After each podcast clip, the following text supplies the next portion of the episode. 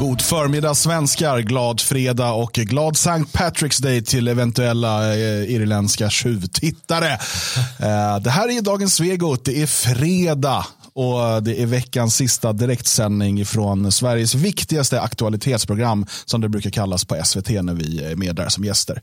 Det har vi aldrig varit, men om vi skulle vara det så skulle de kalla det för det. Jag heter Dan Eriksson och mitt emot mig står eh, två herrar som heter något helt annat. Ja, eh, å ena sidan har vi då eh, mig, Magnus Söderman. Ja, å andra sidan har vi mig eller hon. Just det. Eh, och vi tre ska försöka guida er igenom en himla massa eh, spretiga ämnen idag. Ja. Eh, vi ska prata Alexander Dugin. Eh, som ju också fått vara modell till eh, bilden för det här avsnittet. Och när vi är på det ämnet så hoppas jag få tillfälle till någonting som händer ibland i de här sändningarna. Och det är att man eh, självransakar sig. Så att jag skulle vilja ha en liten möjlighet att uh, ransaka mig själv inför er alla. Som Kristus säger att man ska bikta sig för sina bröder. Ja, och det är ni och ni som lyssnar då. Inte alla ni som lyssnar, men några av er i alla fall. Okej, biktardagen. Ja, men jag ska försöka grann. jag med. Ja, jag ska göra mitt bästa. Nej, men vi ska vara, vi ska vara ärliga. Ska? Eh, det, det är vår grej. Eh, vi har ett litet treårsjubileum idag som vi helst hade skippat. Eh, alltså vi hade helst skippat att det behövde börjas eh, för tre år sedan. Eh, och det var ju podcasten Stabsläge som hade premiär för tre år sedan, vilket en lyssnare uppmärksammade oss på. Det är vi väldigt tacksamma för. Eh, vi ska kolla om Bilans pappa var kvar. Ja, hurra.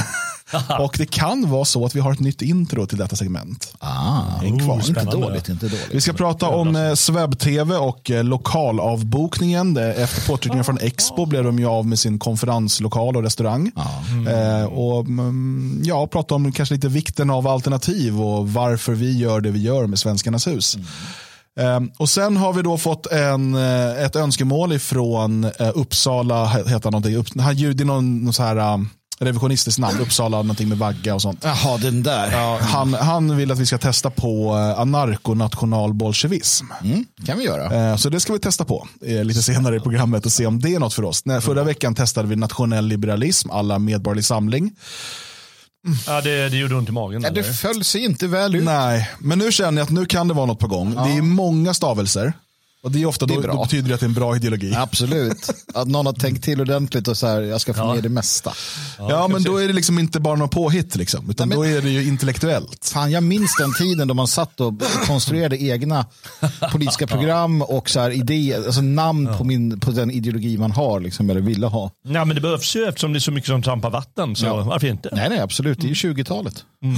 Ja, vi får se helt enkelt. Eh, Man kan inte vara liksom låst i gamla 1900-talsideologier, utan det här kan mycket väl vara eh, det vi behöver för att eh, revitalisera svenskarna. Månskensbonden säger att han hörde oss prata snabbt om att månskensbonden skulle bli olaglig på sikt. Pratade vi snabbt om det så pratade vi så här snabbt om Jag förstår, jag kommer inte ihåg det. Vi nämnde, ja, men jag tror att jag nämnde det när vi pratade om liksom framtiden, det här med att man inte får så med eget utsäde. Och så Ja, han var rädd för att det var han själv. Ja. Eller hon själv. Ja, jag har sett Mr T inne i chatten också. eh, är du i eh, Frankrike nu eller är du i Afrika och härjar? Man vet aldrig. Man vet aldrig. Han, eh, han är alltid på äventyr. Ja, lite som Tintin. Ja, han är, han är vår Tintin. Han är vår. Tintin. Underbart, Mycket underbart. uppskattad. eh, uppskattad Någon gång människa. ska vi tvinga in dig i studion här och intervjua dig om dina äventyr. Ja, det ska Men vi bara göra. han med sig Kapten Haddock. eh, För honom skulle jag älska Du kan nog spela Kapten Haddock. Spela? Vad menar du? Du är ju, ja fan, det skulle nog gå bra. Ja, just det, det, han är inte bara Lasse Kongo, han är också Kapten Haddock. det är fint. Härligt. Uh, Kavajfredag idag, inte för mig, det var ingen som sa. Det är så typiskt när man, du vet, man får festinbjudan och så skriver de i en klädkod och så kommer man dit och inte har kavaj. Jag fick höra från eh, bakom, eh, eller från en, en, en tittare slash lyssnare, framförallt tittare då, att, att vi sällan matchar med kläder. Nej, men det är ju meningen. Eh, och då tänkte jag att nej, det gör vi nog inte. Ska vi, då ska vi börja ha scenkläder så att men vi har var- som dansband. Det var så att, att Jalle, han är alltid liksom, han, han vet hur man klär sig. Ja. Eh, Dan, det var lite mer så här, det var sportigt, det var alltid som att han är på väg till någon form av Eh, ja, men du har så någon, någon liksom, eh, vad heter det, hoodie och så här, lite så här på väg till något, någonting. Och jag har någon gammal t-shirt på mig. jag kände att jag hamnade lägst i den skalan. skaran. Nu har jag gammal t-shirt på mig, urtvättad. Precis. Ja, och jag lider för att det är väldigt varmt det här. Jag tycker inte Ja, alls om nej, det. men ni gör era egna val. Ja, ja, men Ehm, kavajen ska av innan kvällen är här. Eller, innan programmet slut. slipsen runt... Uh, Ja. Ja, Pannan. men eh, det är det bästa om den fastnar, äh, hamnar där. Mm, vi ska göra vårt bästa. Det, det tycker jag verkligen. Hörrni, vi ska börja då med att eh, prata Alexander Dugin tänker jag. Eh, och eh, Det är ju en person som, jag vet inte när han började dyka upp i liksom så här nationella kretsar. Eh, Det var väl i samband tror jag med att Arktos gav ut hans engelska översättningar. Ja, Ungefär alltså, där någonstans som man skulle lansera honom eh, för väst eh, på ett annat sätt. Förutom för säkert inom de här traditionalistkretsarna så har han säkert funnits eh, innan han var översatt i någon större, eh, i, en större utsträckning. Men det var väl med Arktos utgivningar som han började liksom Det var det ju. Och, och jag, tror att, jag, jag tror ärligt talat att, att precis som att, att Arctos då eh, bland annat sålde eh, från den här indiska, eh, någon guru där, vad han nu hette, Shankti Bhakti eller någonting. Så tror jag att det var mycket ett affärsmässigt beslut i grunden. Alltså att man, man, får, man, får, man kan skriva upp sig på en, en man, man, man gör en bedömning. Det här verkar vara en person som har något att säga. Och som, som Nej, är men alltså, på vadå? Det är ju klart att det är en, Och också en affärsmässigt Ja. väldigt bra, alltså, jag tror det där, han har nog sålt väldigt Han bra. säljer väldigt... ja, Eh, det, det är jag säker på. Ja. Så att, men, men sen är det ju också um, när min bild av Arktos och samtalen jag haft med en del av både med Daniel Friberg men också med en del av deras författare och sådär. Är ju att de ansluter sig till den här Precis. traditionalistskolan. Det är liksom det är Evola, det är lite Dugin, det är Jaha. lite ehm, även så här då Gres och sådär. Liksom. Oh ja, oh ja. Och det är inte på det sättet inte det som vi kanske i Skandinavien när vi pratar om nationalism, utan det, det, det är en annan idé och där har ju Dugin varit en, en viktig tänkare. Alltså, jag tror att man, det här är ett, ett, lite grann om man tittar på, på just publicis, publiceringen och, och utvecklingen där så vågar jag hävda att det är ett, lite, ett exempel på att man blir lite som man umgås. Alltså, det har blivit en, en, en allt mer dragning åt det duginistiska över tid. I, I takt med utgivningar, översättningar och, och vad nu finns där så, så påverkas man av det också. Så att absolut är det så. Det är, det, det, det, det är ju ett eh, idag är det ju en, en, i, i, i princip en total liksom, överensstämmelse i de här idéerna känns det som i alla fall. Han har, ju, han har ju blivit stor också på grund av att han har blivit liksom någon sorts symbol för den eh, eh, anti-amerikanismen, eh, får man säga. Och eh, alltså, med, med all dess vulgaritet som det utmålas som. Men det finns ju jättemånga positiva grejer med, med USA också. Eh, alla möjliga saker. Men, eh, men liksom den här vulgära känslan som, sprider sig, som sprider sig även i dess imperialisttanke eller dess kulturimperialism eller dess liksom, maktanspråk som kan bli lite löjeväckande och så vidare. Så skulle det vara då en symbol. Och då är det många som griper efter den symbolen. Jag, jag skulle vilja, kan jag bara få, få uh, bikta mig lite i, i Oj, sammanhanget? eh, ja. Nej, men jag- jag- jag känner Måste det. vara en sån här skärmvägg mellan oss där nu? Eller? Nej, utan jag gör, det, jag gör det som en sann protestant. Är, jag är ju katolik. Kan vi vara snälla mot katolikerna en dag om året? Det är ändå St. Patrick's Day Ja. idag. Fram med bikten. Grattis katolikerna. Nej men så här tänker jag. Eh, Jag tillhör ju den skaran som initialt när det här kom igång var så uppfylld av hat mot det egna, alltså västerlandet, Amerika, NATO, eh, liksom EU och allt som har med det att göra, det liberala liksom projektet och allting. Till den grad att när locktonerna från öst kom, när den här eh, eh, liksom, någon, någon form av revitaliserad traditionalism kom i form av Vladimir Putin som tog i med hårdhandskarna och satt och skällde ut företagsledare och rustade upp. Och när, när Dugin kommer med sin idé så, så kände jag en attraktion till det. Jag kände att här har vi liksom en motvikt mot det degenererade väst och så vidare.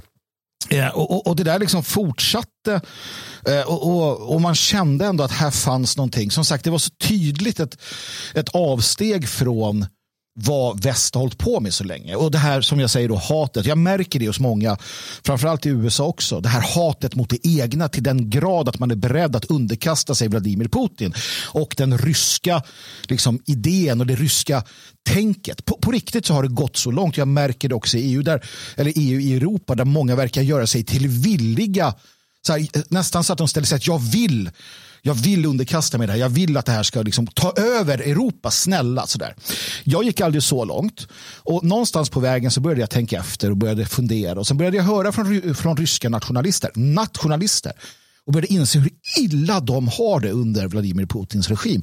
Hur det här att tsarismen, den här liksom så. Och sen började jag se då i första omgången i Donbass och så när man började hissa hammaren och skära, när man började återigen dyrka kommunismen, när man gick tillbaka till det och, och liksom så då, då, blev jag väldigt fundersam och sen så på den vägen så har jag då förstått eh, och, och kommit till klarhet igen då över att nej, det är precis som Dugin säger. Det här är bara fortsättningen på det gamla kommunistiska eh, väldet och vi måste stoppa dem helt enkelt. Och, och jag lever hellre i det Sverige av idag än i Ryssland av idag. Mm. Mm. Ja, nej, hundra gånger om. Inte bara för att jag är svensk utan eh, för att jag har betydligt mer möjlighet att agera och verka i Sverige än vad jag har i Ryssland som, som till exempel då nationalist. Nej, och jag, jag, jag har väl jag har aldrig varit speciellt attraherad av Dugin. Däremot så finns det något kittlande i eh, de här traditionalistiska i den här skolan.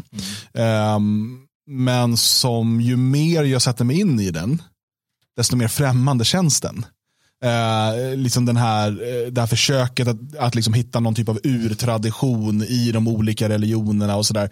Och, och för mig är det det är ju liksom en, eh, är som ett ämne för någon typ av filosofi. Mm. Men det är ingenting som jag kan basera en världsbild på. Det, det är mycket det är intressant att ett, ett gäng intellektuella och en, ett gäng esoteriker och, och, och, teologer och så vidare kan sitta och diskutera det här och så. Liksom, och, och jag kan ta del av det.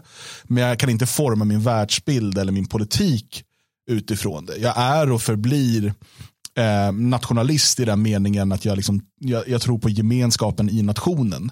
Eh, och, och, att det är den som, som, eh, som sätts först. Så att Dogen har för mig aldrig varit så intressant. Um, och, eh, och, men däremot så fanns det ju, just för att Ryssland var den här motvikten trodde man. Ja. Så kunde det finnas något intressant där och man, man nåddes av, sen blir det lite så här, det blir lite mer fiendes fiende med vän för att då började media hata Putin. Mm. Och så här, då måste ju han vara bra. Ja. för det är, generellt sett så är det så. Men världen är ju sällan så enkel, uppenbarligen. Ja, men, det, det finns ändå en en, en, en förstå, jag har förståelse för det där. För jag sa till Magnus här precis innan vi gick in här att eh, jag kommer tänka på eh, en person som omhuldas något otroligt eh, här i, i väst. Eh, jag vet inte hur det är i öst men jag tror inte så mycket där. Och det är en eh, filosof som heter Slavoj Zizek mm. som också är en sorts nymarxist eh, som på, inte så som, som Dogen är, men på ett annat sätt. Han har sköna tics. Ja, så, ja precis. Han, ja, de, liknar varandra kanske på sätt och vis. Eh, och som jättespretig i sin tankevärld tydligen. Jag läser honom inte för jag tycker det är helt ointressant. Sånt där, men som också spretigt. Men det omhuldas. Men Dogen däremot, han ska bara svartmålas. Mm. Och när de egentligen är ganska lika på sättet de, de, de för sig tankemässigt. Att det ska vara det här spretiga, det ska vara det här klatschiga, det ska vara liksom allt möjligt. Eh, då, då fattar jag hur man tänker hur kan de gå ut, de här intellektuella ligan och säga den här är jättebra men den där är jättedålig. Samtidigt som de säger så där får man inte säga. Mm. Och då kan jag fatta att ja, men jag tänker inte känna attraktion för det de säger att jag ska göra. Jag tänker inte känna attraktion för den här Sitzek. Ja, men då blir det, då blir det Dogen liksom, mm. som exempel. Mm. Sen måste man göra skillnad naturligtvis på, på politiken alltså, eller den förda politiken och dugen. Men, men det är ju faktum är ju, och jag vet att många ibland har försökt, framförallt är det så att äh, människor i vår sfär äh, som alltid vill upprätthålla 100% putinism försöker ibland spela ner att Dugin är för mångkultur, hatar väst, vill se väst förintat, vill se västerlandet förintat, vill se vita människor uppblandade. Och så säger man, nej men det är ju inte, det är inte Dugin som avgör politiken i, i Ryssland. Och det är ju sant naturligtvis. Lika, lika mycket som att andra filosofer, alltså man har mer eller mindre inflytande. Men sant är ju fortfarande att Dugin speglar den ryska självbilden till stort.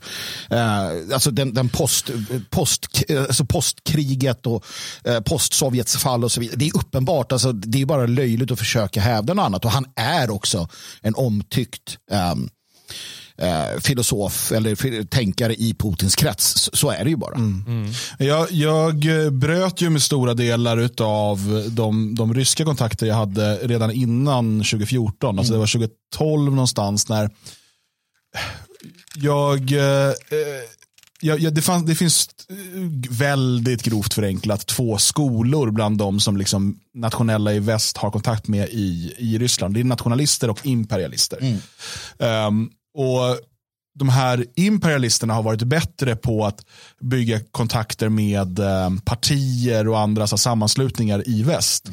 Eh, och det är liksom när man har träffat de här på middagar eller suttit i, i liksom såna här digitala möten med dem och hör deras idéer. Det var det som fick mig att helt tappa liksom, förtroendet för att det här kan överhuvudtaget vara en samarbetspartner till oss. För det är ju liksom att eh, Baltikum är Ryssland, det ska ligga under Ryssland. Eh, liksom det, här, det är liksom de baltiska folken är skräpfolk som bara ska vara glada att vi har gett dem civilisation. Eh, Finland är liksom en del av den ryska intressesfären. Om det inte tillhör det ryska imperiet ska det åtminstone vara liksom kontrollerat av det. Eh, och, och, den här typen av idéer och liksom imperietanken hela tiden.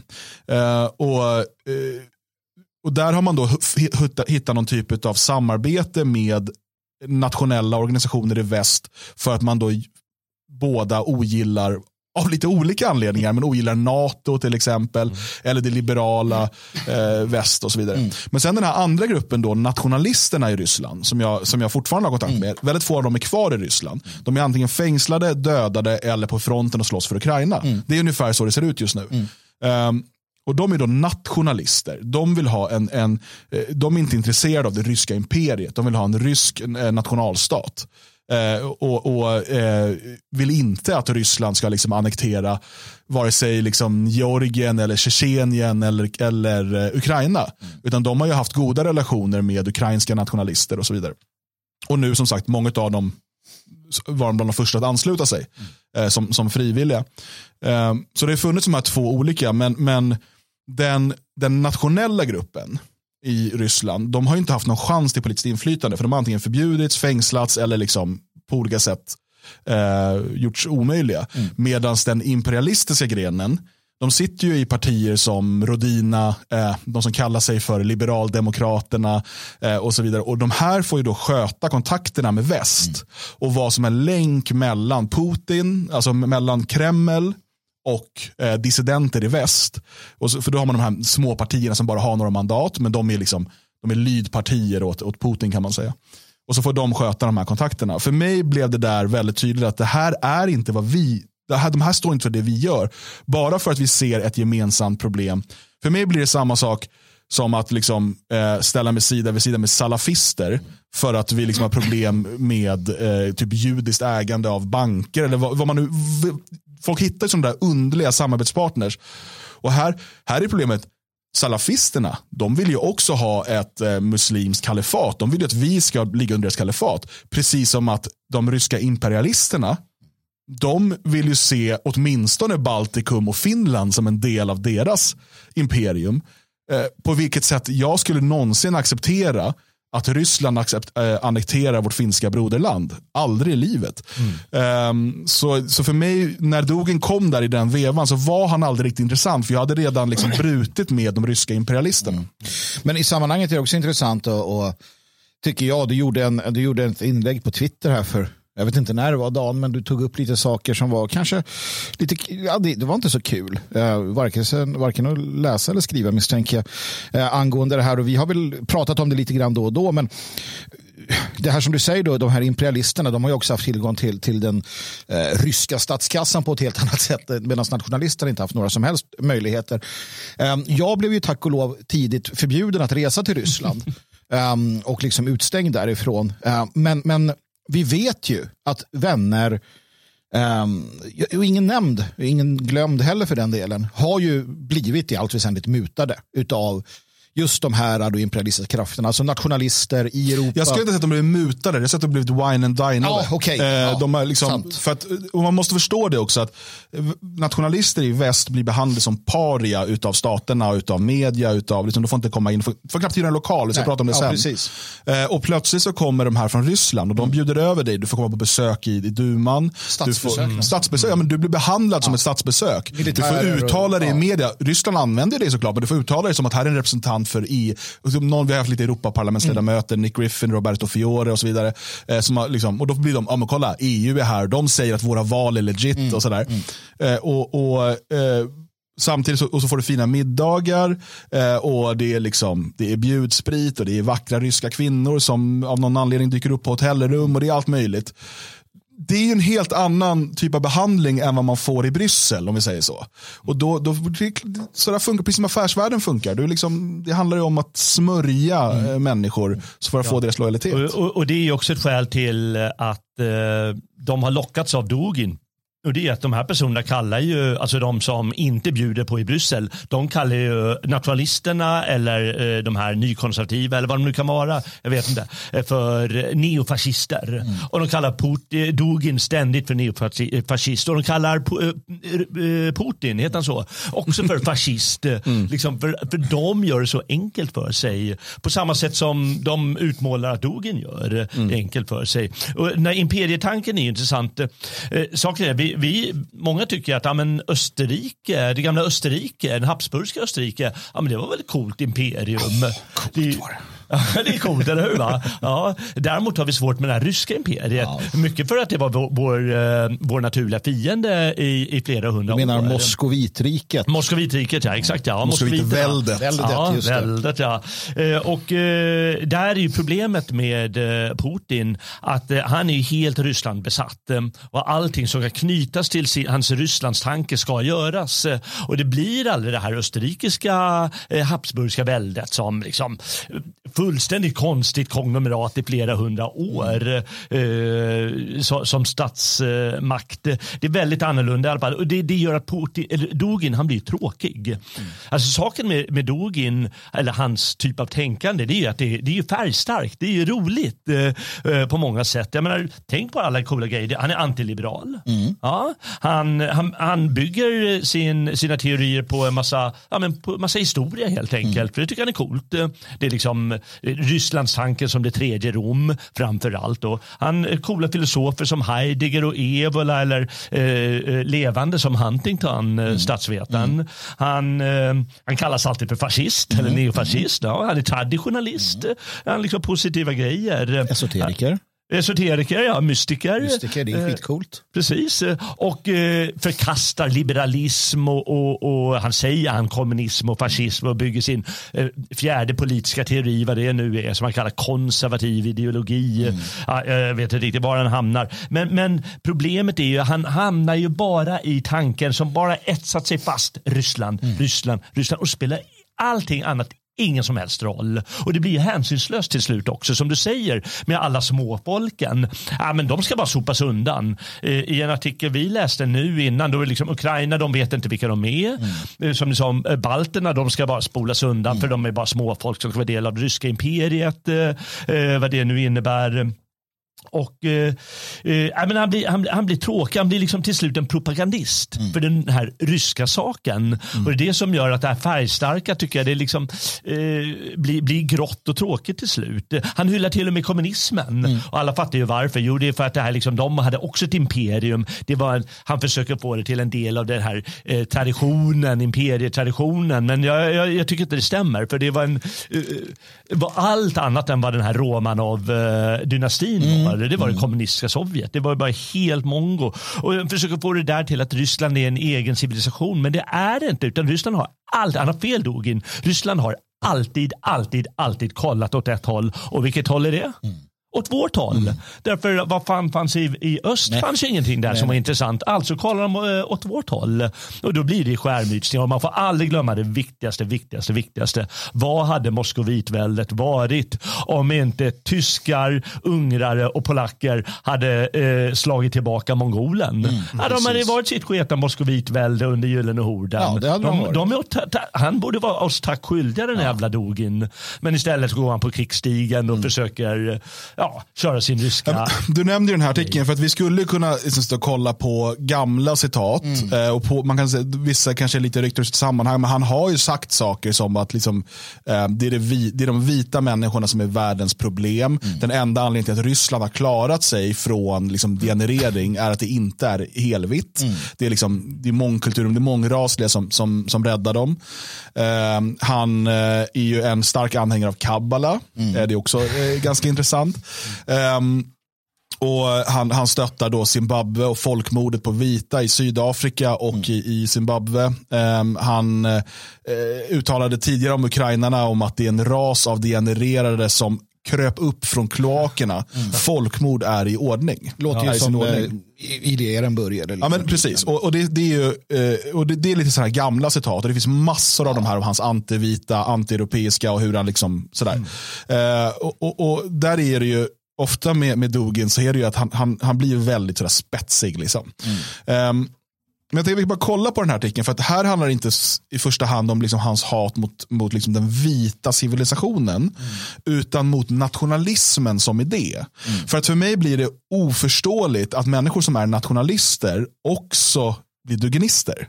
Han är ju han är en öppen och uttalad motståndare mot nationalismen. Och för mig är imperialismen är liksom en, en motståndare till nationalismen. Jag, jag, vill ju, och jag, jag förstår att det liksom på många sätt är, kan vara en utopi och sådär. Men jag vill ju se liksom de, de, de hundra flaggornas Europa. Mm. Jag vill, jag vill se de små nationernas självständighet och jag vill se eh, så mycket lokalt självstyre det bara går. Eh, starka och, och, och positiva eh, regionala och lokala identiteter och så vidare. Och eh, Medan Putin är ju väldigt tydlig med att liksom, vi är inte nationalister utan det vi ska bekämpa är eh, nationalismen. Eh, och eh, Han skriver, det här är då en artikel som översattes och publicerades igår eh, på geopolitica.ru och Dogen har själv delat den här och så vidare. Mm. Så det, är inte, det är inte något på, eller liksom fake sådär. Utan det här är det, här är det som, han, som, han själv, eh, som han själv säger. Eh, och Eh, han säger till exempel Firstly, the war is fought with the West. Therefore, the main enemy is the West. Uh, Ukrainians are not the main enemy. Therefore, it is the West that should be truly hated. And here Simonov is relevant. Och sen uh, fortsätter han uh, längre ner. Denazification is also necessary, but it is a consequence, not a cause, a symptom, not the essence of the uh, disease furthermore. We are fighting against nationalism, but we must not turn into nationalists. We are the empire, and as heirs to the monarchy and as successors to the USSR, we are more than a nation. Our ideology must be imperial, open, clear, and aggressive. The empire must be charismatically represented. Our empire, Rome, is fighting a mortal battle with the opposite empire, and in essence, the anti-empire with Carthago. Mm. Carthage. Carthage, ja. Ja. jag, vill bara inledningsvis då återkomma till min egen bekännelse här tidigare. Uh, när han säger firstly the war is fought with the West, therefore the main enemy is the West. Och om du sammanblandar väst med det västerländska liberalistiska, liksom, socialdemokratiska projektet då är det lätt. Då är det lätt att sugas in i detta för du ser, du ser en själv, en, en, en, en ett folk, alltså du ser ett Ryssland som, är, eh, som har självkänsla, som är auktoritärt, som är antiliberalt och du tittar på ditt eget väst som är förfallet. Men du gör den här dumma sammanblandningen och det var där det gick fel för väldigt många. Och jag eh, har klivit upp i det träsket och vill hjälpa andra upp i det träsket. Se inte, se inte väst som, den västerländska civilisationen som jämställd med den västerländska liksom, liksom um, politiska idén eller det som händer i väst. Det är två helt skilda saker. Men han är väldigt tydlig med att, att det är västerlandet, inklusive den västerländska liberalismen, men väst som etnicitet, som folk, som ras, som kultur, allt det. Ja, och det har han pratat om i årtionden. Ja. Alltså att, ja, precis, att det, det, det är liksom den vita väst. Han menar att det vita folket i väst är groten till allt ont som har skett i världen. Mm. Ja, och det är där han blir för enkel. Mm. Återkommande här. Att eh, när han måste skapa sitt Ryssland som är det enda som gäller, då blir, det an, då blir allting svartvitt. Mm. Alltså kommer han jämställa, som du säger, hela den här europeiska civilisationen kommer han jämställa med modern, eh, modern eh, politik, mm. alla socialdemokrati och eh, atlantism då, mm. alla USA. Och det blir bara löjligt, det, det är så otroligt patetiskt patetiskt samtidigt som man själv då är inspirerad av massor med europeiska filosofer givetvis. Ja, nej, det, jag kan inte med det där. Och man får aldrig glömma så, vad någon skrev här, att hans Rysslandstanke eh, som är så central och som går ut över ukrainarna och alltihopa som man såklart skriver här. Eh, glöm inte, skriver, eh, ja, jag vet inte, i chatten, glöm inte att moskoviterna alltid anfallit sina grannar sedan de blev fria från mongolerna. Kiev, Novgorod, Kazan, Litauen, Tanatuva, Kina, Finland och så vidare. Mm. Alltihop liksom. Och det är det de lever på. Och det är därför han säger här, vi måste vara en aggressiv, Ja, ja. ett aggressivt samvete säger han. För det är den sortens ordval han väljer. Och, och, och naturligtvis då inga som helst problem att säga att vi är, en, vi är ättlingar till, och jag förstår, jag förstår idén, jag ser inget konstigt i det, men vi är ättlingar till Sovjet. monarkin. Ja, och sen, Och och sen, sen, Sovjet, de som dödade de första, vi är det i allting. Och jag har inga problem med det, det är det mytiska tänkandet. Ja, precis, ja. Absolut, och jag förstår dem. Men för oss, alltså för, för fienden så är det ju en livsfarlig Mm. naturligtvis eh, kombination eh, som han håller på att koka ihop här. Ja, äh, det är någon annan som skriver det är sorgligt att se amerikaner och andra som sväljer den här sjuka världsbilden. Och det, det sorgliga är som du säger här att när jag, när jag tände på Dogin då sökte jag in och, för jag, jag kände föraktet. Och eh, det kan man förstå. Man, måste ju, man, man kan ju läsa i Dogin och tycka att det här är rätt kul och spännande. så. eh, Men man måste ju förstå att Ja, men vad finns det som ligger och kokar det här? Så Ja, man, man kan ju givetvis ta honom och ta det man tycker är ballt med honom och, och poängtera det. Samtidigt som man aldrig får glömma det som är negativt. Så vi behöver ju inte elda upp honom som en annan koran. Nej. Utan han, han får väl ligga där och så får man läsa honom ibland. Ja. Men med lite, lite förståelse för vad som finns där. Ja, nej, precis. Och, och, och det undrar är ju bara, om man, om man eh, på, på något sätt eh, ser sig som en del av den här nationalistiska tanken så är det väldigt svårförenligt med det moderna Ryssland och eh, ja, ja, det historiska Ryssland också, visserligen, och, eh, eh, och Dugin. Eh, Det är därför det är så underlig den här sammanblandningen och där tror jag det är mycket eh, min fiendes fiende är min vän. Eh, och så tänker man, ja, men jag är också emot liksom, det liberala, degenererade väst som har liksom, det har gått så illa. Sen, sen är det ju en myt också om hur bra och traditionalistiskt och sådär som, som Ryssland är. det är eh, visserligen finns det, just nu så går det väl lite i rätt riktning, men titta på abortsiffrorna. Titta på skilsmässosiffrorna. Titta, alltså, de, de, är ju värst i hela liksom, eh, den vita världen. Eh, så att det är inte så att det är något så här traditionellt paradis där liksom alla, alla bara går i kyrkan och är fromma lamm liksom och, och, och gifter sig och skaffar 30 barn. Och, Jag tror att de skulle bli det om, eh, om de i nationalistisk ande decimerades till vad vi önskar, nämligen moskovitväldet. Precis. Då skulle de ju bli traditionella på riktigt. Men nu måste de leka något annat och de kommer, eh, de kommer inte lyckas och vi hoppas att de inte lyckas. nej. Grattis! Ja. Tack så mycket. Tackar, tackar. Idag fyller eh, stabsläge tre år. Eh, Och för er som inte känner till det, då, stabsläge var då en, och är, den är inte nedlagd, men den är, den är vilande. För det, i dess, i dess eh, själva essens är att den, den dyker upp när den behövs. Precis, man går upp in i stabsläge. precis. Inte i Eh, stabsläge. och ehm, det var ju då en, en podcast som vi startade i samband med eh, liksom, hela den här coronahysterin drog igång. Eh, och den 17 mars, alltså för exakt tre år sedan, 2020, kom det första avsnittet. Eh, och där eh, så beskrev vi programmet så här. Vad händer egentligen ifall undantagstillståndet vi nu lever i pågår i flera månader? Och vad händer med vår värld rent politiskt efter coronaviruset? Eh, Och sen pratade vi också om Törebodas, Töreboda kommuns försök att hindra det fria Sverige från att hjälpa äldre att handla. Och sen hade vi med Koskenkorva från Finland som berättade om läget där. Eh, Och i det, här, det här är ju 17 mars. Eh, Än så länge har vi liksom eh, man väldigt dålig koll på, på vad som händer runt i världen. Allt är väldigt nytt. Vi har ju i januari matats med de här bilderna från Kina av människor som dör på gatorna. Eh, I februari kommer de stora utbrotten i Italien. Eh, och Sen är det ju då sportlovet vecka nio då svenskar är i Alperna åker och det där ska man då ha tagit med sig viruset hem framför allt. Då. Även om det kom ju någon från Kina, eh, någon kvinna eh, lite innan och sådär. Eh, Men, men det här är ju verkligen i början och därför är det ganska kul att gå tillbaka och lyssna på. Om ni går in på svegot.se och sen i menyn väljer podcast och stabsläge så kan man gå tillbaka och lyssna. Ehm, för att det här, och, och, och det är ganska kul att lyssna på de första två veckorna, deras program, för att det, det som händer är en gradvis, jag och Magnus, alltså, precis som många andra, är ju väldigt oroliga i det här läget. Vad är det här för någonting? Eh, Jag höll eh, barnen hemma från förskolan, de gick, ingen av dem gick i skolan då, eh, men jag jobbade hemifrån och hade barn hemma. Måste, för att vi såg de här bilderna från Kina, vi hörde om det från Italien, det lät ju helt hemskt. Ehm, och jag, jag minns så väl eh, liksom hur, eh, vi var ute i skogen och gick, jag och, jag och ungarna. Och plötsligt kommer en annan unge som har varit på dagis. Kommer springande, jag blir så här, håll dig borta från mina barn nu. Ja, men vad, så här, vad är det här för någonting liksom? Eh, men det som händer sen i slutet av mars, och det, det kan man höra här genom stabsläget, det är ju att då kommer den första riktiga statistiken från Italien. Och plötsligt så ser vi då att ja, det verkar vara många som dör av eller med eller sådär, eh, det här, liksom, så som det beskrevs då. Men det verkar ju i stort sett bara röra sig om multisjuka jättegamla människor. Det är tråkigt, jag vill inte att de ska dö.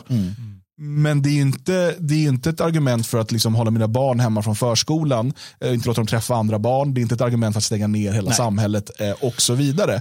Och där eh, blir det då som en intressant övergång för att då blir det ju eh, absolut, vi håller koll på vad som händer med liksom, den här utvecklingen kring viruset. Men framför allt, vad håller staterna på med? Och så att det blir det som blir fokusen eh, liksom med, med nedstängningar och så vidare. Ja. Jag eh, ska nu eh, ta och ge Magnus eh, något han absolut inte vill ha, men det är tiaran. Varsågod, för nu är min tur att bikta mig. Ja, och eh, jag måste säga att jag, jag rycktes ju med av det där. Det, var- det var faktiskt lite skrämmande. Jag var nästan lite besviken att vi la ner där stabslägen.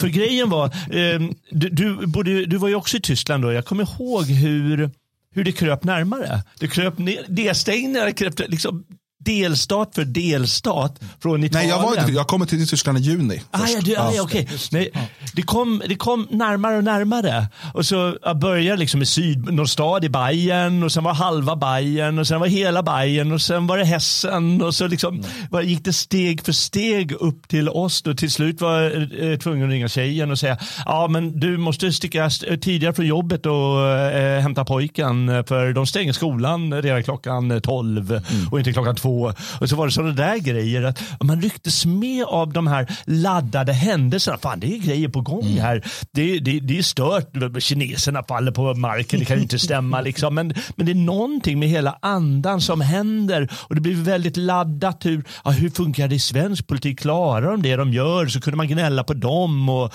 eh, så rycktes med på ett sätt som man, måste ändå, man, man får ändå visa förståelse för alla andra människor som liksom, vi, vi måste skjuta alla som inte vaccinerar sig. Jag har viss förståelse för dem, för jag rycktes också med lite utan att vaccinera mig, för jag blev ju väldigt snabbt botad.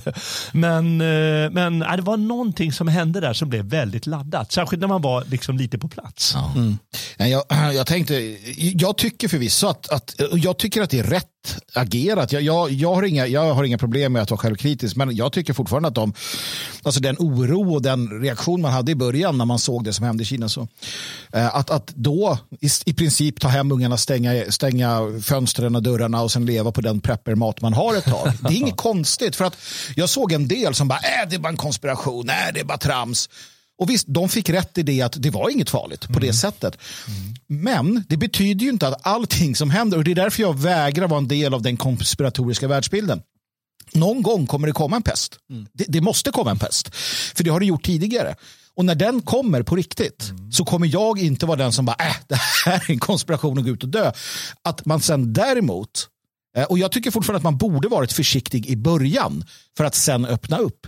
Ehm, och jag tror att man hade sparat många äldre i Sverige om man hade gjort Men det. det finns ju massa saker, alltså, och det, det är inte det vi ska fokusera på nu. För du kan, vi kan prata om människor som faktiskt mördades av läkarna Ja. genom eh, de här eh, eh, ven, ventilators Precis. på engelska, vad heter det Ja. på svenska? Jag kommer inte ihåg nu.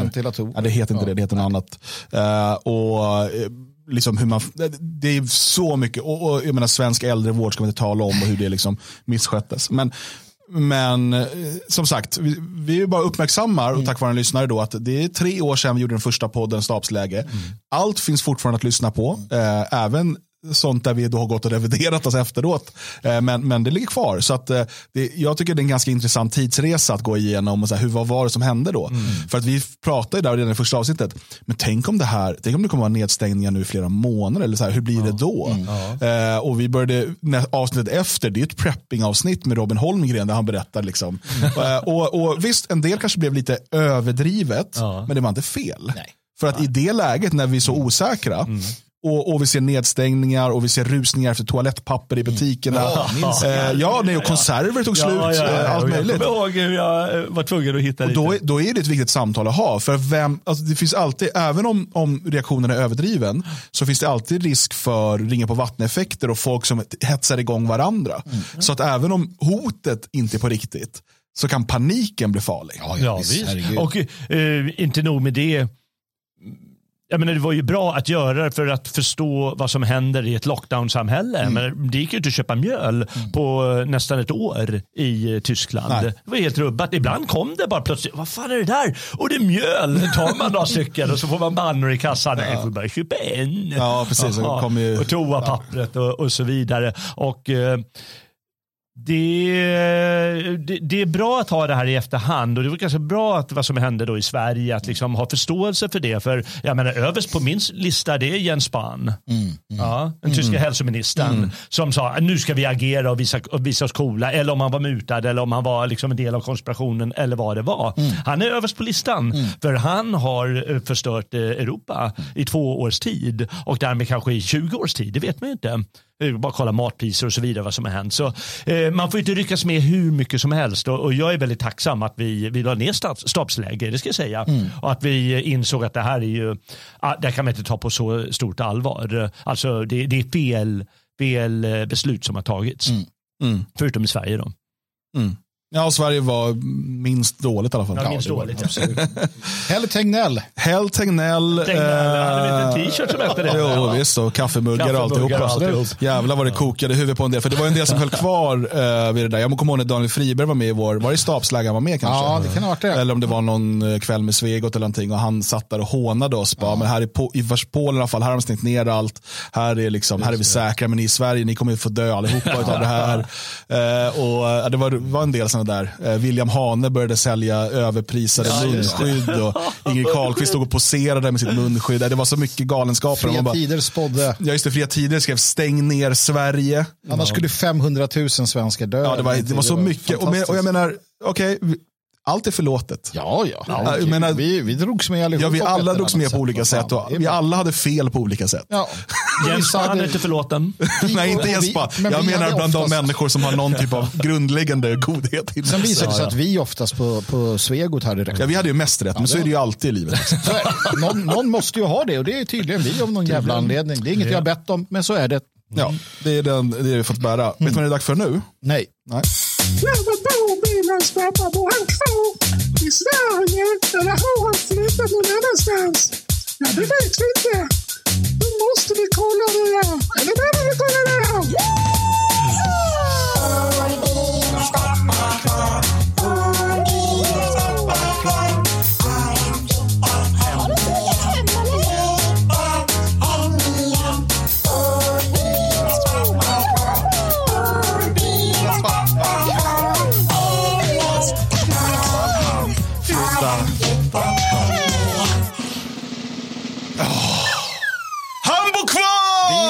Pappa bor kvar. Oj, oj, oj. Ska Han bor det? kvar. Jaha, det, jag tänkte att vi levde i en värld av överraskningar, men tji fick jag. Tji fick du. Jag vet inte vad som händer här med Bilans pappa och, Nej, inte jag heller. och så. Men han, ja, Bilan lovar ju så här att han har flyttat, men svenska staten hävdar annorlunda. Han har åtminstone inte skrivit ut sig ur Sverige. Nej, Bilans pappa bor kvar. Eh, Magnus konstaterade förra veckan, eller vad det nu var, vi konstaterade igen. En förlust för Sverige, men en seger för Osman. Så, så är det precis.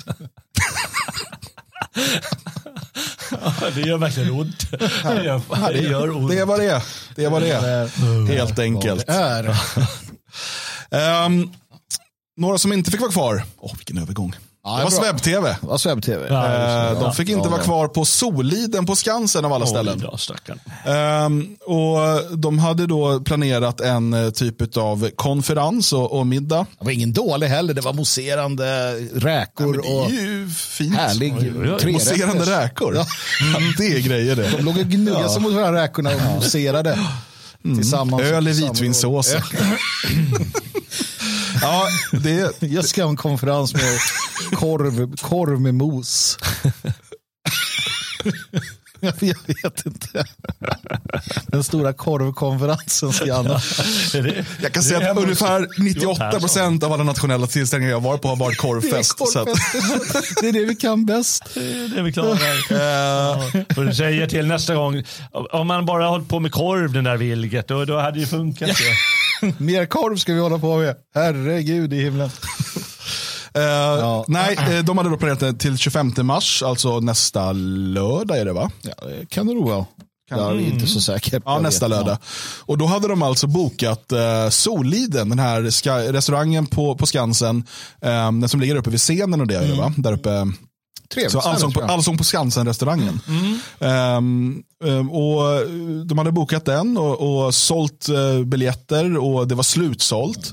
Eh, och såg ju fram emot en härlig dag och kväll. De hade skulle ha livemusik och det, men det verkar vara ett, ett uh, så det säkert blivit en trevlig Det dag och kväll för dem. Absolut. Eh, fram tills att eh, Expo eh, snokar reda på eh, var de ska vara någonstans. Eh, här kommer frågan hur. Det vi vet hur man arbetar tidigare är ju till exempel, förutom med informatörer då inifrån, eh, är ju att man eh, helt enkelt har suttit och ringt runt till alla möjliga som skulle kunna vara, hey, har ni något bokat lördag den 25? Har ni något bokat? Så det kan mycket väl vara så man har gjort. Ja. Eller så har man någon som har skrivit på sociala medier, du vet, den här typen av sak. Oh, ja. Hur som helst. Expo kontaktar då eh, ägarna till Soliden. Det är då Börjesviks Group AB. Det är bland Mm. annat de som också driver alla de här Rasta eh, restaurangerna längs med eh, motorvägarna. Mm. Ehm, Jag trodde att jag stod och nickade och så tänkte jag, för jag har ingen aning vad du pratade om, och så tänkte jag rastade så jag bara, ja, men det är väl någon sån här kedja med rastafari restauranger. Ja, nej, men det är det de gör, de här Burvik Gros. För jag har ju ingen koll på res- restaurangfloran. För mig nu vill jag inte kalla Rasta för, restauranger, utan det är ju ja, men, men det, det, är ett, det är ett koncept för olika sådana här eh, stopp längs med motorvägen. Eh, vi har eh, vad heter det, Rattugglan när man kör förbi Mariestad. Eh, och du har ju också Rasta uppe i Laxå när det är liksom Burger King och allt möjligt, men det heter Rasta. Liksom. Finns det något som heter Nattugglan i ett motell? Det undrar jag. Eh, Nåväl. Nåväl. Och Expo kontaktar dem och de säger nej, nej, det här, de här ska vi då avboka. Det här är, det står strid mot vår värdegrund, någonting i den stilen. Och då blir ju då Sveb TV av med sin lokal. Det här i sig är ing, inget så nyhetsvärde i. För att så här har nationella och andra runt omkring den nationella sfären behandlats alltid. Ja. Ja, det var ju därför vi alltid bokade två, tre, fyra. Och det är mycket möjligt att de har gjort det nu också, Ja. att de har en backup-plan. Eh, mitt eh, hetsigaste minne är nog eh, när Roberto Fiore skulle komma jäklar. eh, till vision, första Vision Europa. Och vi hade bokat eh, någonting in i Stockholm, jag minns inte exakt vad det var för ställe. Men där vi alltså på morgonen tror jag, eller om det var sent på kvällen innan, får veta att eh, de har blivit kontaktade av om det var Expo, AFA, polisen, någonting som då hade sagt, ja, då- vågade de inte ha oss längre som, som gäster. Ehm, och då sitter vi alltså på morgonen och försöker samma dag som vi ska ha konferensen och försöka hitta en lokal. Och det är panik. Tills vi kommer på att man inte alltid behöver gå över ån efter vatten. Precis. Vi bodde ju på ett hotell. Eh, Hotell har ofta konferenslokaler. Mm. Eh, så att eh, vi gick till receptionen och de sa, ja fast konferensavdelningen, de jobbar bara måndag till fredag. Så vi kan nog inte, så här, ja men snälla, vi behöver verkligen ha en konferenslokal. Vi har eh, 120 gäster som, liksom har, som kommer snart och de kommer från hela Sverige. Eh, och det, vi sa ju då att det blev någon dubbelbokning och sådär. Liksom. Ja, och den här tjejen i repan, hon, hon gjorde vad hon kunde och började ringa hem till du vet, de som var ansvariga för event och sådär. Och de löste det till slut. Eh, de sa vi kan tyvärr inte lösa någon catering ordentligt, här, men det gör ingenting. Vi, vi, liksom, vi vill bara ha en lokal. Ja, ja, ja. Eh, resten kan vi lösa själva, vi får stå bredvid mackor eller någonting. Men det löste sig och det blev en väldigt bra lokal. Eh, Oh ja. Till slut så löste det sig.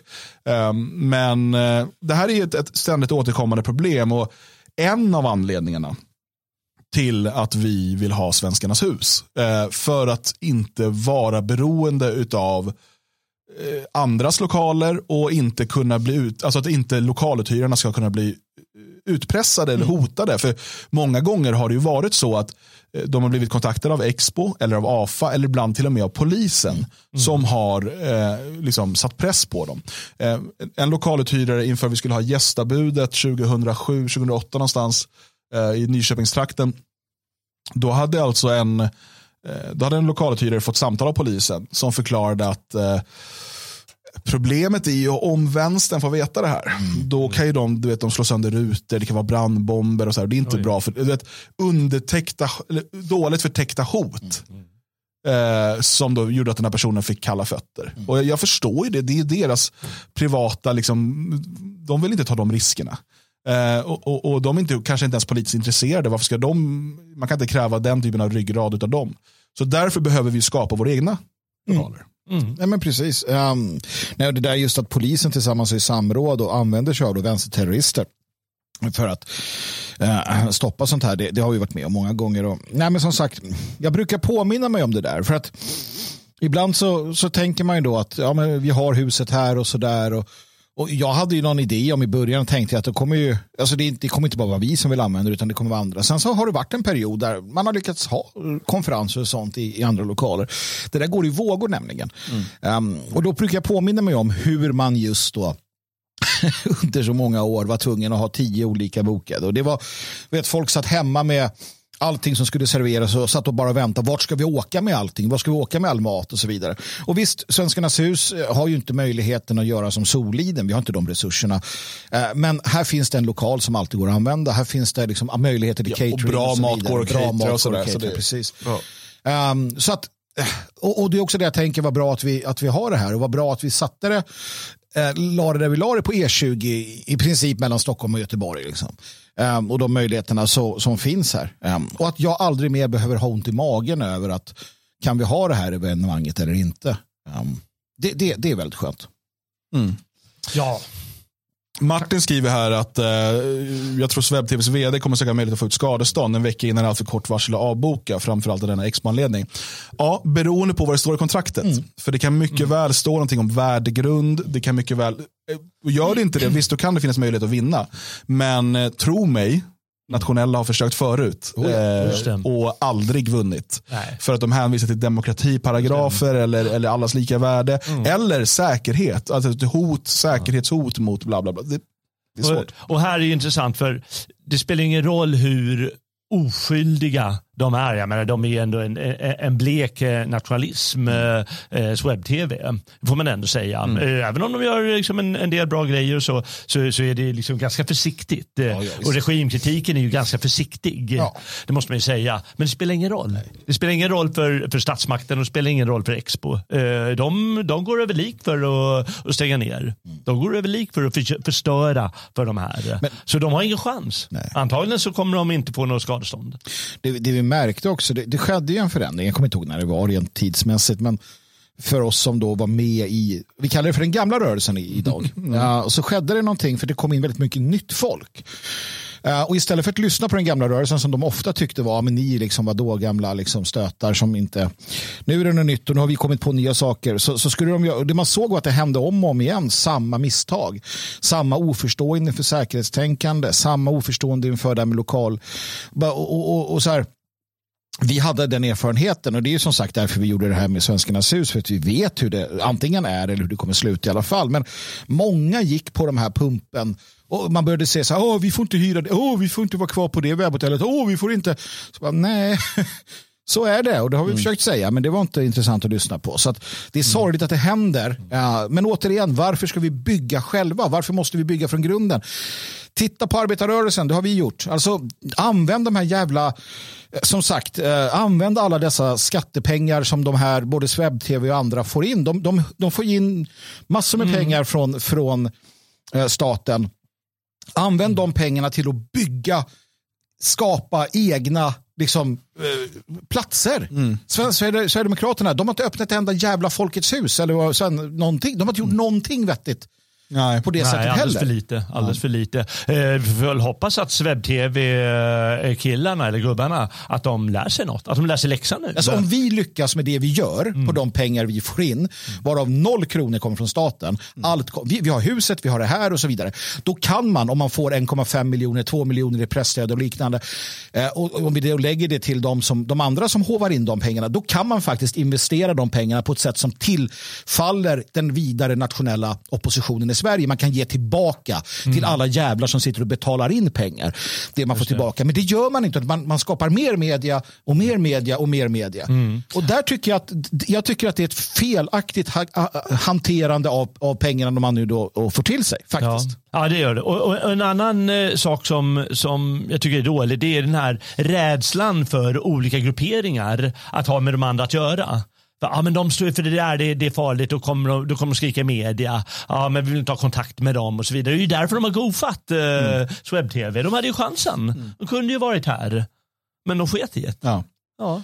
Eh, vi har i alla fall från Det fria Sveriges sida gått ut eh, i eh, går kväll då när vi fick reda på det här och meddelat att, och det här har ju varit så sedan tidigare, men bara påmint om Ja. att Svenskarnas hus finns och man är välkommen som vad vi kallar då svenskvänlig aktör och det gör vi såklart en bedömning från fall till fall, men jag tror att folk förstår vilka vi menar. Så finns Svenskarnas hus tillgängligt att hyra utan kostnad. Eh, och det är det bästa priset. Mm. Eh, så det är bara att kontakta oss eh, om man vill anordna en konferens eller liknande och så hittar vi ett sätt att, eh, att samarbeta och ett datum som funkar och så vidare. Så att det, det, all information finns på detfriasverige.se.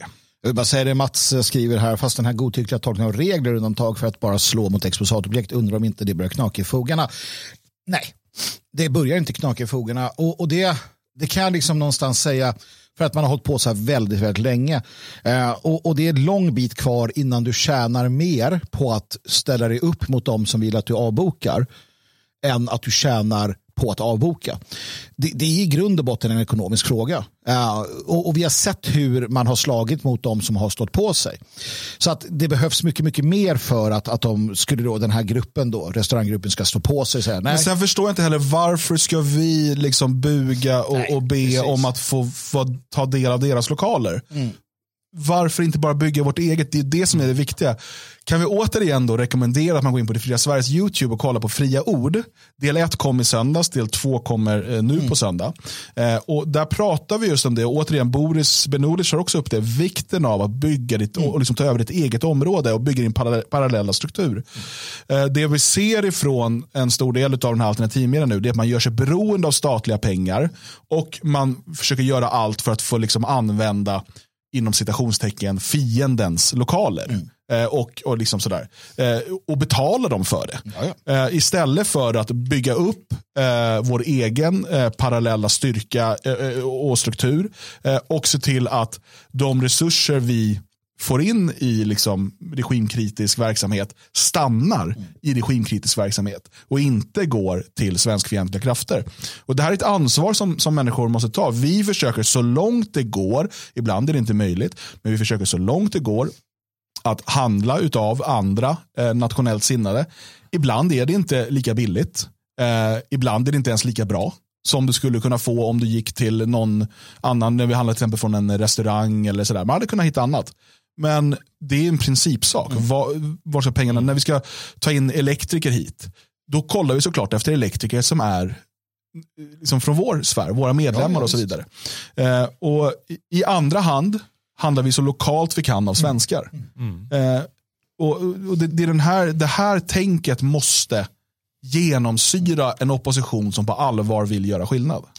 Jag, jag bara svarar på några korta frågor här. Tage frågar, får man hyra, boka Svenskarnas hus för fester? Absolut. Är du medlem så kostar det ingenting.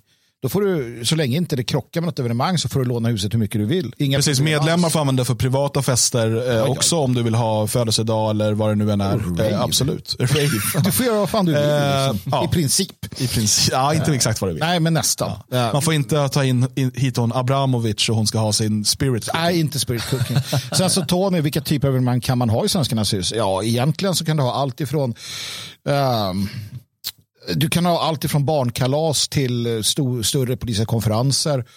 Ehm, ja, det går alldeles utmärkt. Konsert kan du ha. Konsert kan du ha. Du kan du ha jag vet inte, bokklubb, du kan Ja. ha rollspelskväll. Du kan, du ha. fan, du kan väl göra vad du vill. Det är en lokal. Och, ja, väldigt mycket. Du kan ha kampsportsträningar, du kan ha middag, ja, frimurar in ritualer, bar mitzva. bar mitzvah kan du ha. Ja, så länge du är nationalist. Ja, just det. Ja. ja, men det är väl ganska må- Har de inte haft det ganska ofta den här Begravning kan du ha. Ja, vi, kommer inte, vi kommer inte gräva ner någon här. Men jo, det kan vi göra också. Ja, kanske säkert kan vi, vi, vi kan sätt. hjälpa till. Vi har säkert kontakter. Ja. Gay disco är det någon som frågar. Det är, det, det är väl tveksamt. Eller? Ja. Heterodisco. ja. Mm. Okej, eh, det är fredag. Fredag betyder test. Oj. Vi testar saker. Vi har testat Nutella-semla. Vi har testat internet från 2004. Vi har testat nationell liberalism. Och idag så ska vi då testa anarkonationalbolsjevism. kan jag säga Vad sa du igen? Anarkonationalbolsjevism. Jag minns ett tal du höll en gång Magnus, där du var lite arg på de här typen Jag var väldigt arg på ra- ni- ja, Jag kommer inte ihåg vad jag sa. Var, var du arg på anarko Ja, ja, det var jag utan tvekan. Ja. För det var en period i vår historia då det hittades på en mass, många nya ideologier. Va? Och jag tyckte väl att alla bara skulle vara nationalsocialister så var det slut med det. Ja, just det. Fresh Sushi skriver gay disco eller ännu värre vanlig disco. Ja. det var kul. Eh, jag ska säga det att eh, imorgon är jag med i eh, ett amerikanskt radioprogram eh, som heter The Political Cesspool. Eh, och jag ska avslöja en liten sak nu. Det spelades in redan igår. Det loss, vi låtsas nämligen att det är live i sändningen. Det är inte live, det? det brukar vara live. Men av lite olika anledningar. Det var jag, eh, Philip de Winter och en kvinna, Ann, vad hon, kommer hon heter? från, Kvinna. En kvinna från Flandern. Eh, de var med första timmen, jag i andra timmen. Du fick Eh, en timme själv och ja. de fick dela på en. Precis. Ja, man ser väl? Eh, men det var ett trevligt samtal. Eh, som vanligt när det är amerikansk radio så är det åtta minuter reklam och sen får man prata två minuter. Och sen. Men ehm, eh, det pratade vi faktiskt lite om Ryssland och Ukraina också. Eh, men en sak var, på tal om disco, Ja. eh, så var, var det också ett långt segment där vi satt och hyllade Ace of Base. Det är bra. Det är Det var spela design, det stod här och dansa.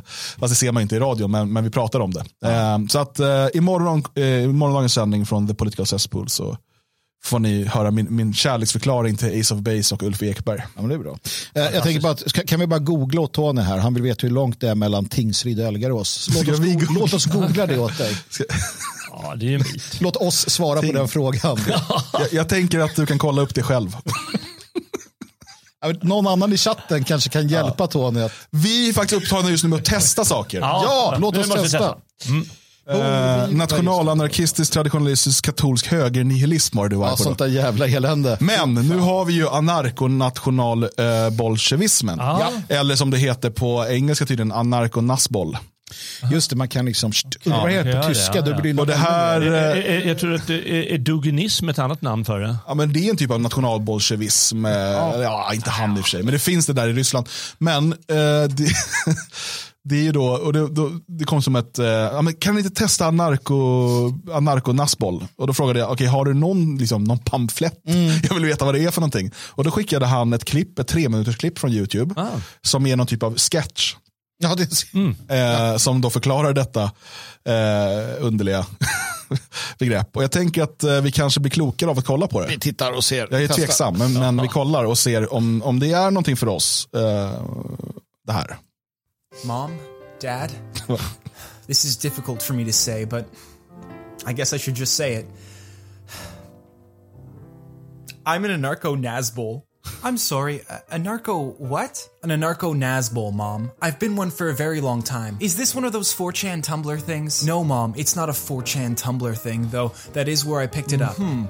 And uh, why don't you tell us what this means, son? I'm glad you asked, Dad. You see, Nazbol stands for National Bolshevik. Uh, It's a party that combines the economic system of the communists with the, let's say, cultural policy of the Nazis. And what's this anarcho all about? Mom, everyone knows that the government is lame nowadays. That's why I'm a National Bolshevik that doesn't believe in a state. Anarcho Nazbol. Son, I know it's tempting, but you can't just add anarcho in front of every ideology to make it sound cooler. Yes, you can. Monarchism Fråga Jonas sucks, Nilsson. Anarcho-monarchism is really cool. And don't even get me started on anarcho-poseidism.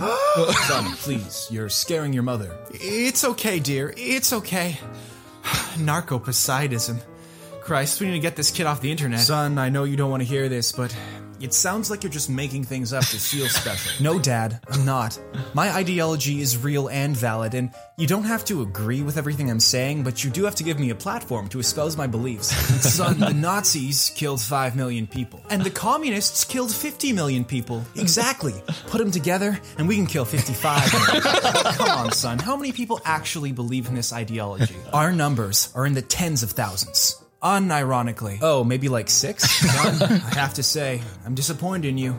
Not because you chose to follow a niche ideology, but because you didn't research it very well before you chose to follow it. Oh dear, go easy on him. No, no, Karen, he has to hear this. Son, are you even aware of the fact that identifying as a national Bolshevik outside of the context of Russia is completely meaningless? No, Dad, you don't understand. Kyle's an anarcho Nazbol too, and he. Ah, Kyle. Is he the one who's been a NEET for five years now? He really knows his stuff. And there's this anarcho Nazbol YouTuber I watch all the time. Son, you can't just have a conversation with a friend and then all of a sudden decide that you're following an ideology. Your dad is right. Labels exist for a reason, but you have to make sure that you're identifying with a label for the right reason. I guess. Now go to your room. No more internet access for a week. Fine. We probably should have known that he was going to turn out to be a Nazbol. I mean, what with you being a communist and you being a neo Nazi.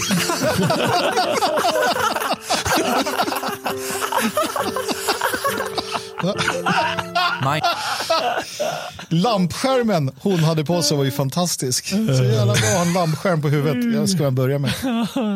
Jag gillar det. Man blir kvinna då. Ja. Det är bara så. Nej, jag gillar det. Det är, alltså, det är ju lite, det är lite tredje positionistiskt här ändå. Ja, vi tar liksom kommunism, vi tar eh, eh, vad heter det där andra, kapitalism. Och så bara, vi tar lite bra där, lite bra där och så blandar vi ihop det. Ja, anarkonationalbolsjevism. Um, jag har lite svårt att förena dem och jag, jag håller nog med kritiken av att eh, det där begreppet nationalbolsjevism är ganska irrelevant utanför Ryssland. Ja, det är det ju absolut. Och jag tror inte att du vinner. Alltså, rent Men vad tror ni om att bara lägga narko före allt för att visa att man Ja, men det, det Ja, är men också... det, är, det, är lite, det är lite färgstarkt. Och det, blir liksom, Det vart ju poppis här. Jo, men det, det, det visar en- trevlig schizofreni i det hela. Nej, Men att man är anarko mot det man tror på. Just det. Ja, men jag, jag förespråkar, jag, nu ska vi säga, jag förespråkade ju detta i, eh, i det här vi pratade om, om eh, den här konferensen vi hade, Fria ord. Där, där har jag ju en längre utläggning kring det här med anar, anarkofascism och eh, eh, svensk kungademokrati och, och sådana saker. Eh, Sen är det ju bara, det är roligt. Det är roligt att ta anarkism och fascism och sätta ihop det och bara, så är det. För att det bevisar lite att man bara, och det här är något som är skönt med 20-talet. Folk flabbar rätt mycket åt politik och ideologier och folk bara prövar sig fram och härjar. Och, och så, jag tror inte att det är dåligt. Eh, per se. Eh, och det kan komma något kul ur det till sist. Och det, det är därför man måste ha den här inställningen till det. Det, det är sant. Eh, Den enda skillnaden är att eh, nu är det ju som sagt det är Kyle och någon, någon annan idiot som sitter och ah, men han kan sina grejer. Det är de som ger upphov till det. Och det är det, därför det blir extra löjligt drag. Det som var liksom både krydda och på sitt sätt ibland lite löjligt på 20-talet med alla de här konstellationerna som fanns. Det, är, det blir idag ungefär som den här sketchen. Ja, ja, precis. Och eh, jag måste säga att jag är stark motståndare till den här rörelsen. Är du, ja? Jag Ja. tycker det är mycket coolare att ha var och en för sig. Att man har bolsjevismen, så man har en skön fiende som vi nationalister kan krossa. Och sen har vi den här kryddan, anarkismen, som, som hela tiden måste, måste finnas där och, och peta i magen. Och eh, som man måste liksom sätta på plats och ibland inspireras av. Så, Påminnas kanske om, för att det där är ju någonting jag i alla fall, eh, jag dras ju väldigt ofta mellan den här eh, auktoritära, folk är idioter och behöver en järnhäl som trycker ner dem och den här jävla järnhäl, vi måste hugga av dig Ja. så att alla bara får vara fria. Och jag kan ju aldrig, jag kan ju aldrig bestämma mig där. Nej, För mig är det ganska lätt. När jag sitter eh, liksom lite, man har några dagar man mest sitter på sin kammare och tänker. Då är jag väldigt mycket för individuell frihet och så. Så fort jag går ut och träffar människor så bara nej. Men vi måste ha, vi måste ha tredje riket så fort som möjligt. Ja.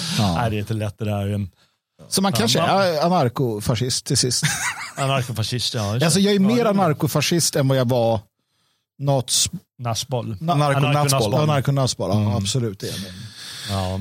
Ja, men nu har vi provat på det i alla fall. Och det, Ja, det har vi gjort, ja. vi får väl söka vidare efter vårt ideologiska hem helt enkelt. Ja. Eh, Man kan ju alltid söka, innan jag glömmer det, kan man ju söka på söndagar. Mm. Åtminstone varannan nu för tiden då man kan vandra på gamla och nya stigar.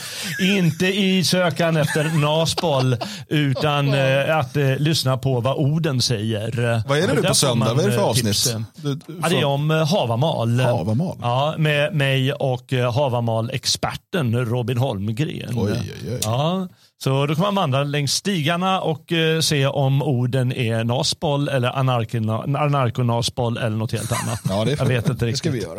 Det undrar man, ju. man undrar ju vad orden är.